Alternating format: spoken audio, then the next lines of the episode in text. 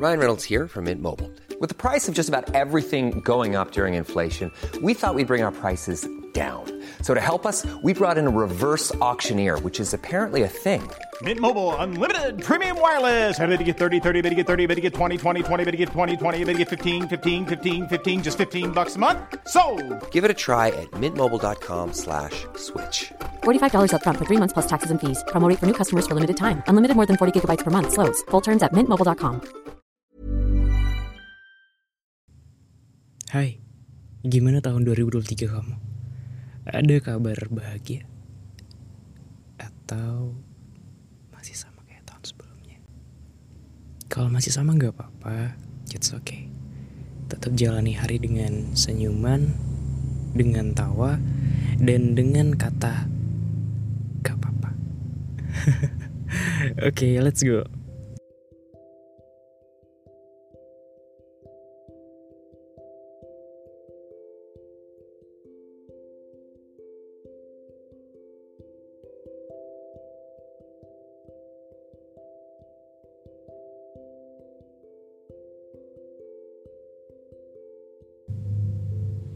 Jadi kemarin aku disuruh datang sama teman-teman aku ke sebuah pertemuan ya kayak pertemuan kecil gitu. Ibarat kayak reunian. Tapi sebenarnya gak reunian. Cuman kita-kita aja. Gitu deh. Alumni SMA. Itu pun cuma laki-laki doang. Perempuannya gak diajak. Nah pas aku diundang, disuruh datang, aku bingung mau pakai baju apa. Pakai celana apa? Pakai aksesoris apa, penampilannya gimana, bingung banget. Jadi pas itu aku pakai baju yang ini, pengen ganti, udah diganti, pengen ganti lagi, serba salah. Akhirnya bingung sendiri. Sebenarnya pengen bilang ke teman-teman aku nggak bisa dateng gitu. Tapi kan nggak enak. Kayak udah berapa lama nggak ketemu masa kayak gitu doang? Nggak bisa dateng. Jadi di situ aku putusin buat pakai baju apa adanya. Ya menurut aku pantas lah akhirnya dateng. Tapi tahu nggak sih di sepanjang perjalanan itu selalu mikir selalu overthinking kayak ini penampilan aku bakal diomongin gak sih Padahal sebenarnya aku udah pakai pakaian yang sopan, pakai pakaian yang pantas untuk dilihat orang-orang. Terus mikir, ini kan udah lama gak ketemu, pasti mereka pada glow up. Sedangkan aku ya kayak gini-gini aja. Mereka bakal ngelirik aku nggak ya? Aku pakai pakaian kayak gini, cocok nggak ya? Ada rasa itu pengen pulang, pengen ganti, atau pengen gak jadi dateng deh gitu. Kayak ada alasan lain buat alasan gitu. Serius di sepanjang perjalanan itu selalu mikir eh ini pantas gak yang aku pakai ini? Kira-kira cocok gak ya? Atau semoga aja mereka gak ngomongin aku. Gitu mikirnya. Dan pada akhirnya setelah sampai di rumah temen aku ini aku dateng dan aku duduk, aku ngelihat sekitar, mereka pada asik sama kegiatan mereka sendiri kayak main handphone, ngobrol-ngobrol, baca buku dan lain sebagainya. Gak ada yang mereka lakuin sama seperti apa yang aku pikirkan di jalan tadi. Bahkan sama sekali mereka gak ngomong, itu pakaian kamu gak cocok loh. Masa tinggi kamu segitu-gitu aja? Masa berat badan kamu segitu-gitu aja? Masa muka kamu segitu-gitu aja? Gak ada sama sekali. Mereka pada pure um, aktif pada kegiatannya sendiri. Dan untungnya teman-teman aku pada nggak ngomongin tentang penampilan, tentang tubuh, dan tentang apa yang kita lakukan. Gak ada sama sekali ternyata selama ini yang bikin aku takut itu bukan orang lain tapi pikiran aku sendiri atau diri aku sendiri deh. Dan apa yang aku takutin buat aku jadi males atau ragu untuk melangkah ke hal selanjutnya, ke kegiatan selanjutnya. Padahal apa yang aku takutin itu sebenarnya nggak terjadi. Terjadi pun ya mungkin masalah kecil, masalah sepele. Gak sampai seperti apa yang aku pikirin. Kayak disinggung gitu. Tapi sebenarnya yang kita pikirin itu tentang apa yang kita takutin. Mereka ngomongin aku nggak ya? Mereka bakal ngejulitin aku nggak ya? Mereka bakal kayak giniin ke aku nggak ya? Itu sebenarnya pikiran aku sendiri, bukan tentang realitanya. Jadi ternyata selama ini yang bikin aku takut untuk melangkah itu bukan orang lain, bukan sekitar, bukan teman-teman aku, tapi pikiran aku sendiri.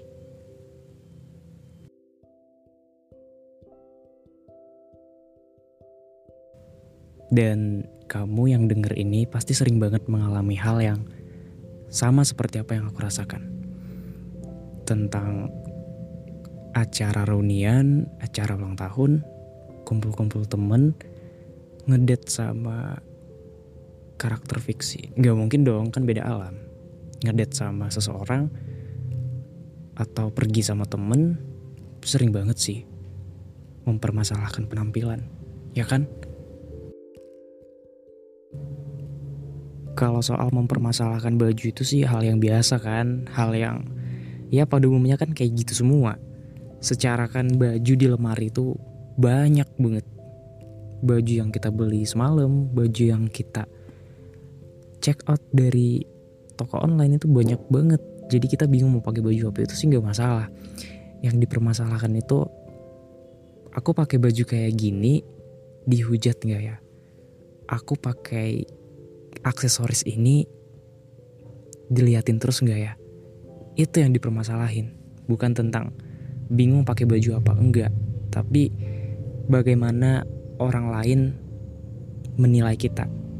Tapi yang kita pikirin itu ada pada lingkup kita sendiri, ngerti nggak sih? Seakan-akan kita membuat skenario bahwa orang lain akan menilai kita seperti ini, orang lain akan melihat kita seperti ini gini deh prinsipnya aku tuh kalau kita udah takut kita nggak akan berani untuk maju ke depan. Serius. Takut aja bikin kita nggak berani buat ngapa-ngapain. Kayak hal tadi kan kita udah takut sama pikiran itu sendiri. Takut um, sama reaksi yang orang lain berikan ke kita. Padahal sebenarnya reaksi tadi itu kita yang buat sendiri. Bukan pure bukan murni reaksi orang lain ke kita. Bener kan? Jadi memang seharusnya rasa takut itu emang dilawan, percaya dirinya itu ditingkatkan. Selagi yang kita kenakan kayak di kasus tadi penampilan kan, kita pakai baju yang emang sopan, emang pada dasarnya pantas untuk dilihat orang-orang, bukan pakaian yang nyeleneh, dan bukan pakaian yang you can see me. Itu nggak banget sih itu beda konteks. Apalagi kayak acara reunian kita jadi takut sebenarnya kita glow up apa enggak sih? Orang-orang pada glow up kita enggak. Emang kita pantas ya di acara kayak gitu? Stop berpikiran kayak gitu. Kalau emang mau dateng ya dateng kalau nggak mau dateng ya nggak usah. Jangan buat pikiran kita sendiri tuh penuh. Kita udah banyak beban pikiran tentang kita ke depannya mau jadi apa, kita bahagiain keluarga, bagian orang tua, bagian diri sendiri. Itu udah penuh banget di kepala. Jangan sampai kita menuhin lagi. Kapasitas otak kita berbeda-beda. Dan volume otaknya itu juga bukan unlimited, bukan kayak apa ya, kayak balon gitu diisi air bisa sampai um, mengembang gitu, bukan kalau udah terisi penuh ya bakal penuh nggak bakal terisi lagi gitu jadi jangan sampai kita mengisi otak kita dengan berburuk sangka dengan overthinking lagi. Stop. Udahan overthinkingnya. Overthinkingnya itu udah malam aja. Gitu. Jangan sampai ketika kita mau datang ke acara-acara gitu kita langsung berpikiran ini cocok nggak ya? Ini kayak gini nggak ya? Ini bakal dilihatin orang nggak ya? Enggak sebenarnya enggak orang lain biasa aja sama penampilan kamu. Ya. Jadi jangan takut untuk jadi diri kamu sendiri. Siapa pun kamu bagaimanapun bentuk tubuh kamu apa pun yang kamu kenakan kamu tetap yang terbaik.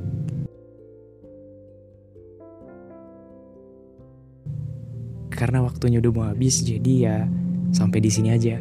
Seperti biasa jangan lupa follow dan aktifin lonceng podcast Just Listen biar nggak ketinggalan episode berikutnya. See you next time.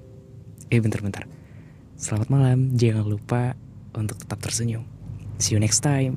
Bye bye Hai apa kabar? Hari ini ngerasa capek banget ya? Gak apa-apa. Everything gonna done.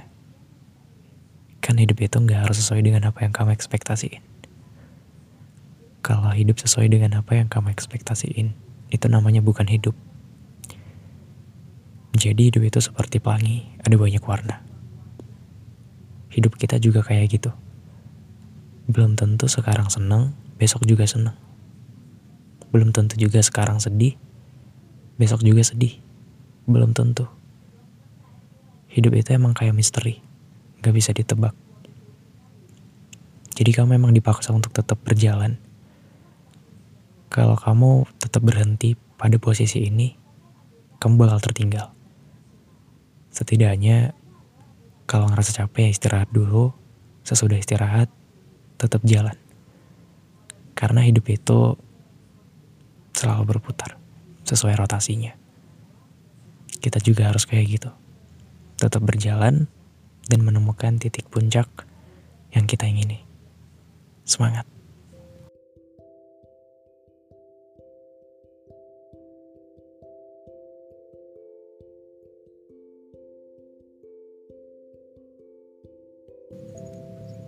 Semua orang itu punya rumah, tapi nggak semua orang punya apa yang disebut sebagai arti rumah.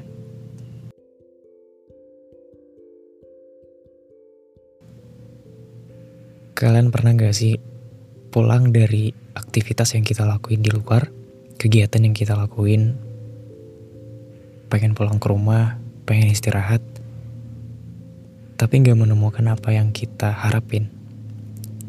Kayak ngerasa tenang, enggak sama sekali. Yang kita dapat bukan ketenangan, kenyamanan, tapi keributan. Alhasil, kita tetap pulang ke rumah. Tapi kita bukan pulang ke rumah yang apa yang kita maksud. Apalagi kalau kita ngeluh capek sama keluarga, sama orang yang di rumah. Kayak, aduh aku ngerasa capek banget setelah ngelakuin ini. Badan aku pegel-pegel semua. Aku ngerasa gak bisa gerak. Kayaknya di sini pegel banget deh. Tiba-tiba yang keluarga yang satu nyaut. Alah gitu doang kok bisa capek. Lihat nih aku habis ngelakuin ini gak segitunya jadi kayak kita pengen ngeluh aja gak bisa kayak kita dibaksa kuat terus padahal sebenarnya kita itu juga manusia biasa punya rasa lelah punya rasa capek punya titik pengen ngeluh pengen disemangati tapi sama keluarga tuh nggak bisa harus tetap berdiri harus tetap kuat harus tetap seperti superhero Entah kenapa sebagian besar yang menjadi faktor paling utama kita hancur itu keluarga. Ya emang keluarga itu pengen kita bahagia, pengen kita sukses, pengen kita maju. Tapi keluarga juga yang bikin kita terjatuh, yang bikin kita terpuruk. Kayak kita dibantu bikinin sayap biar bisa terbang. Kita disupportin, tapi pas di atas, kita dijatuhin. Kita nggak diajarin caranya untuk terbang, caranya untuk mengendalikan sayap. Keluarga pengen kita maju, tapi keluarga juga menjadi faktor kita jatuh.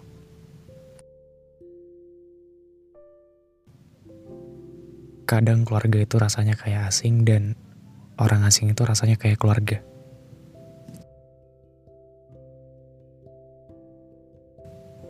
semua orang pengen punya keluarga yang bahagia, keluarga yang harmonis, keluarga yang saling support, keluarga yang ada ketika saudara-saudara yang lain jatuh. Semua orang pengen kayak gitu. Tapi nggak semua orang bisa request sama Tuhan pengen punya keluarga yang kayak gitu. Pengen punya orang tua yang selalu ada, selalu support. Dan orang tua juga nggak bisa request punya anak yang seperti apa yang mereka maksud. Tapi realitanya nggak kayak gitu. Bahkan kita anak-anaknya kayak dipaksa untuk ngertiin orang tua, tapi orang tua nggak bisa ngertiin anak-anaknya. Jadi spekulasi orang tua itu selalu benar, belum tentu. Bisa iya, bisa enggak. Tergantung cara kita memandang. Tapi kalau dilihat sebagai manusia secara umum, emangnya ada orang selalu benar? Enggak kan? Karena manusia itu bisa hilaf, bisa lupa, bisa juga salah. Tapi kalau tergantung saran, tergantung nasihatnya, mungkin secara pengalaman mereka lebih kaya emang karena mereka sudah mendahului fase kita pernah menjadi bayi, pernah menjadi anak-anak, pernah menjadi remaja, pernah menjadi dewasa, dan sekarang udah jadi orang tua. Tapi lihat deh, zamannya kan udah berbeda. Zaman mereka sama zaman kita. Kayak mitos-mitos dulu kan, kalau kita mau pergi sekolah tapi kita yang lagi males, terus orang tua bilang, kalau dulu mereka pergi sekolah tuh mendaki gunung lewati lembah. Kalau mereka mau pergi sekolah tuh sepatunya harus dilepas karena banjir. Ah, ada banyak banget deh. Makanya zamannya itu kan emang kayak beda banget. Karena dunia yang mereka hadapi saat masih muda boleh jadi sepenuhnya berbeda dengan apa yang kita hadapi sebagai anak-anaknya. Zamannya berubah, konteksnya berubah, pandangan sosial berubah, banyak banget yang berubah. Tapi ini bukan berarti gak ada pelajaran yang bisa dipetik dari pengalaman orang tua. Ada banyak. Kayak kembali di awal tadi, tergantung gimana cara kita mandang. Jadi apa orang tua selalu benar? Belum tentu.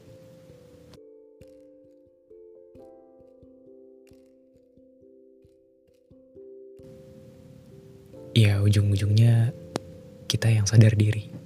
Kita sebagai anak yang udah bisa memilih mana yang baik dan mana yang buruk. Mana yang benar dan mana yang salah kita yang mungkin selalu pengen dimengerti, tapi nggak pernah ngertiin balik ke orang tua. Ya kita juga harus sadar diri. Kita emang gak bisa request, kita nggak bisa minta sama Tuhan punya orang tua yang kaya raya, punya orang tua yang bisa mengerti kita, punya orang tua yang ya sesuai keinginan kita. Gak akan bisa. Tapi kita bisa milih mau jadi orang tua seperti apa, untuk generasi kita selanjutnya. Untuk generasi yang ada. Entah kamu mau jadi orang tua atau enggak, itu terserah kamu, itu pilihan kamu, dan konteksnya kan berbeda. Tapi, karena kita sekarang udah jadi anak yang bisa milih mana yang baik dan mana yang benar, kita juga pasti bisa milih mau jadi orang tua yang seperti apa. Tetap mau jadi orang tua seperti orang tua kita, atau mau ganti mindsetnya, ganti pola pikirnya. Dan bisa jadi orang tua pernah berpikiran kayak kita, sesuai zamannya ya, pernah berpikiran kayak kita, pengen jadi orang tua yang hebat, pengen jadi orang tua yang super duper power, pengen kayak gitu. Tapi karena zamannya udah berubah, alhasil apa yang mereka harapin, apa yang mereka rencanain juga berubah. Apa kita kayak gitu juga? Kita pengen jadi orang tua yang mentingin mental anak-anak nanti. Kita pengen jadi orang tua yang selalu ada untuk generasi kita. Siapa yang tahu? Zaman berubah, semua berubah. Bisa jadi ketika kita nanti jadi orang tua, zamannya lebih modern Makanya jangan selalu salahin keadaan. Jangan selalu salahin keluarga. Jangan selalu salahin orang tua. selalu salahin kenapa aku dilahirkan seperti ini. Jangan pernah. Kalau kita terus-terusan kayak gitu meratapi nasib, kita selamanya bakal down. Selamanya bakal, iya terus kayak cacat. Gak bisa jalan, gak bisa berdiri, gak bisa berlari. Makanya penting kayak introspeksi. Iya, kita sebagai anak-anaknya kayak kayak tadi kan udah ngerti mana yang bener mana yang salah ya udah. Ada baiknya diambil dan ada buruknya ya dibuang. Jadi kalau emang pada dasarnya kita punya rumah tapi kayak nggak ngerasa punya rumah ya udah kita punya pilihan sendiri. Mau cabut atau enggak mau keluar dari zona nyamannya atau enggak kamu yang putusin sendiri